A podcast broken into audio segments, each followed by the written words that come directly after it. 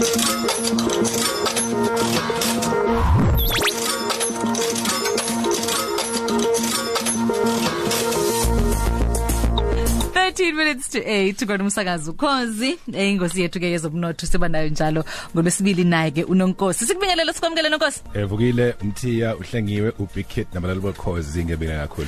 Sikusona isikhathi lapho sibheke kulona ukhetho eh kuze lonke eh lalonyaka ka2019 ngesonto ledlule sithe ukubheka ukuthi i January 8 statement ibiquketheni masibheka ngasohlangothini lezomnotho nonkosi. Kunjalo vukile bekade sibheka kakhulu ngesizathu sokuthi inhlangano ebusayo ibalekile ekuthenini ma ihlangana ixoxa ngezinto ezibalekile izothinta thina emnothweni. Eh sizibhekisise futhi sazi ukuthi ikuphi okufanele esikwenze sibe neqhaza ekuthenini si contribute kwizinto asuke bezisho eh futhi sikuthokozela ukuthi bakubhekile okunye okuhambisana nezinto ezingezinhle kade zenziwa ngoba ithembe lidla ziswele ugulisa inhliziyo kwabaningi ikakhulukazi kulabo abasuke bephusha umnotho. Sanxenxa futhi ukuthi ake benze kube lula laba abasuke beqashiwe beqashelwe ukusebenzela uhulumeni ekuthenini ama entrepreneurs nabantu abasuke bephusha umkhankaso wokuthi bakha amabhizinisi wabo kungabi likhuni kuba lula kakhulu nongcebo kulezi insuku ukuthi abantu abaningi izinto zabe ihambisana nembono emihle ama great business ideas afe ngenxa yokuthi eh, akukho ukuqonda kulabo basuke bephethe amandla. Besibuka lokho ke nongcebo nokuningi. Mhlambe uma sibheka la nonkosi ngaphambi kokuthi kuphele unyaka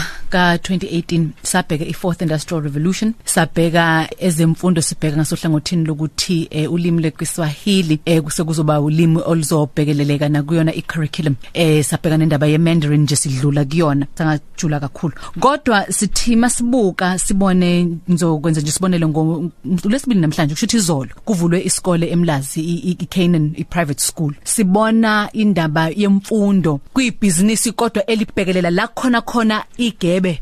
Kuyona imarket yeeducation. Kuveze enye into ngiyathanda ke lamatema akho wakhuluma ngedaha economy wakhuluma ngechurch economy. Kushuthi singathi education economy nale. Kunjalo noNcebo uyihlaba esikhonkosini njengoba usuyichayile kanjalo uzoqala uma singabheka nje ngokukhula eh, kwabantu baseningizimu Afrika. Sake sachaza ngaphambilini ukuthi eh, abantu bakhula kakhulu ngaphezulu eh, kokufa noma kokudlula kwabe emhlabeni. Iningizimu Afrika uma ubheka manje siba u57 kuya ku58 million. Ngo2030 sobe sesilapha eh, ku 65 million. Kushuthi eminyaka nje u11 sobe sikhule ngabantu abawu 8 million. Kanjalo nango 2050 sobe sila ku 73 million. Kusho ukukhula ke kakhulu lokhu kwabantu abakhona eningizimu Afrika maqondana nje nathi njengabantu ukuthi abantu abaningi bayazalwa kunabantu abadlulayo. Lokhu ke nje ubusuchazile okuhambisana nemfundo. Imfundo kukhona ingxenye enkulu ekufanele siyibheke ehambisana nokuthi ingakwazi ukuthuthukiswa. Abantu nje baseningizimu Afrika beyibuka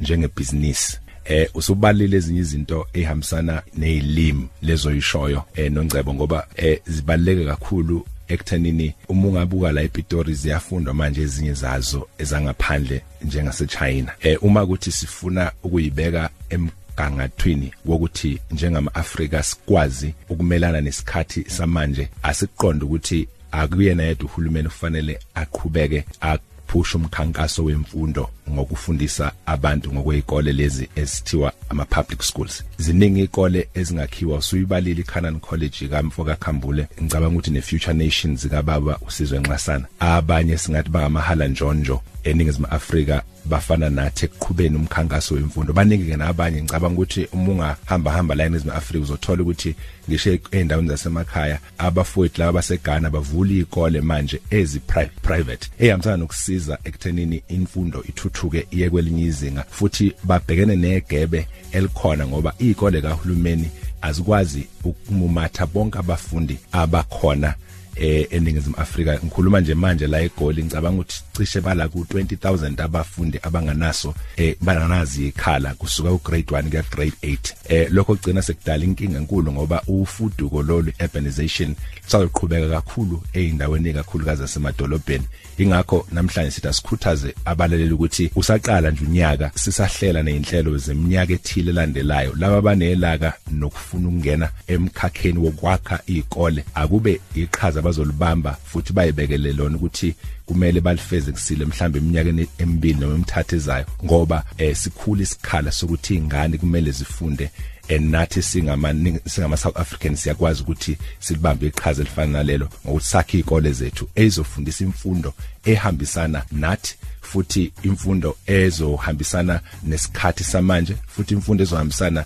neAfrika eh indlela ekhula ngayo nakumele iye phambili ngakhona ngakwezemfundo njengoba usuke wachaza nangokwesiswahili lesekuthiwa kumele eh, sisifunde eminyakeni emibili ezayo njengama Africa eningizimu Africa izinto ekumele ukuthi ke sizenze lezo sibheke futhi ngeso lokuthi ibusiness elikhulu kabi lele singangena kulo sibambe iqhaza elizwakalayo nongcebo Nonkosi ofisa ukuthi axhumane nani? Unitholakala kuphi kanjani? Eh sitholakala ku amandla omnotho. www.co.za siphinde sitholakala kwi WhatsApp yethu ethi 0822 52217 vuka nathi #VMBS #VMBS hamba phambili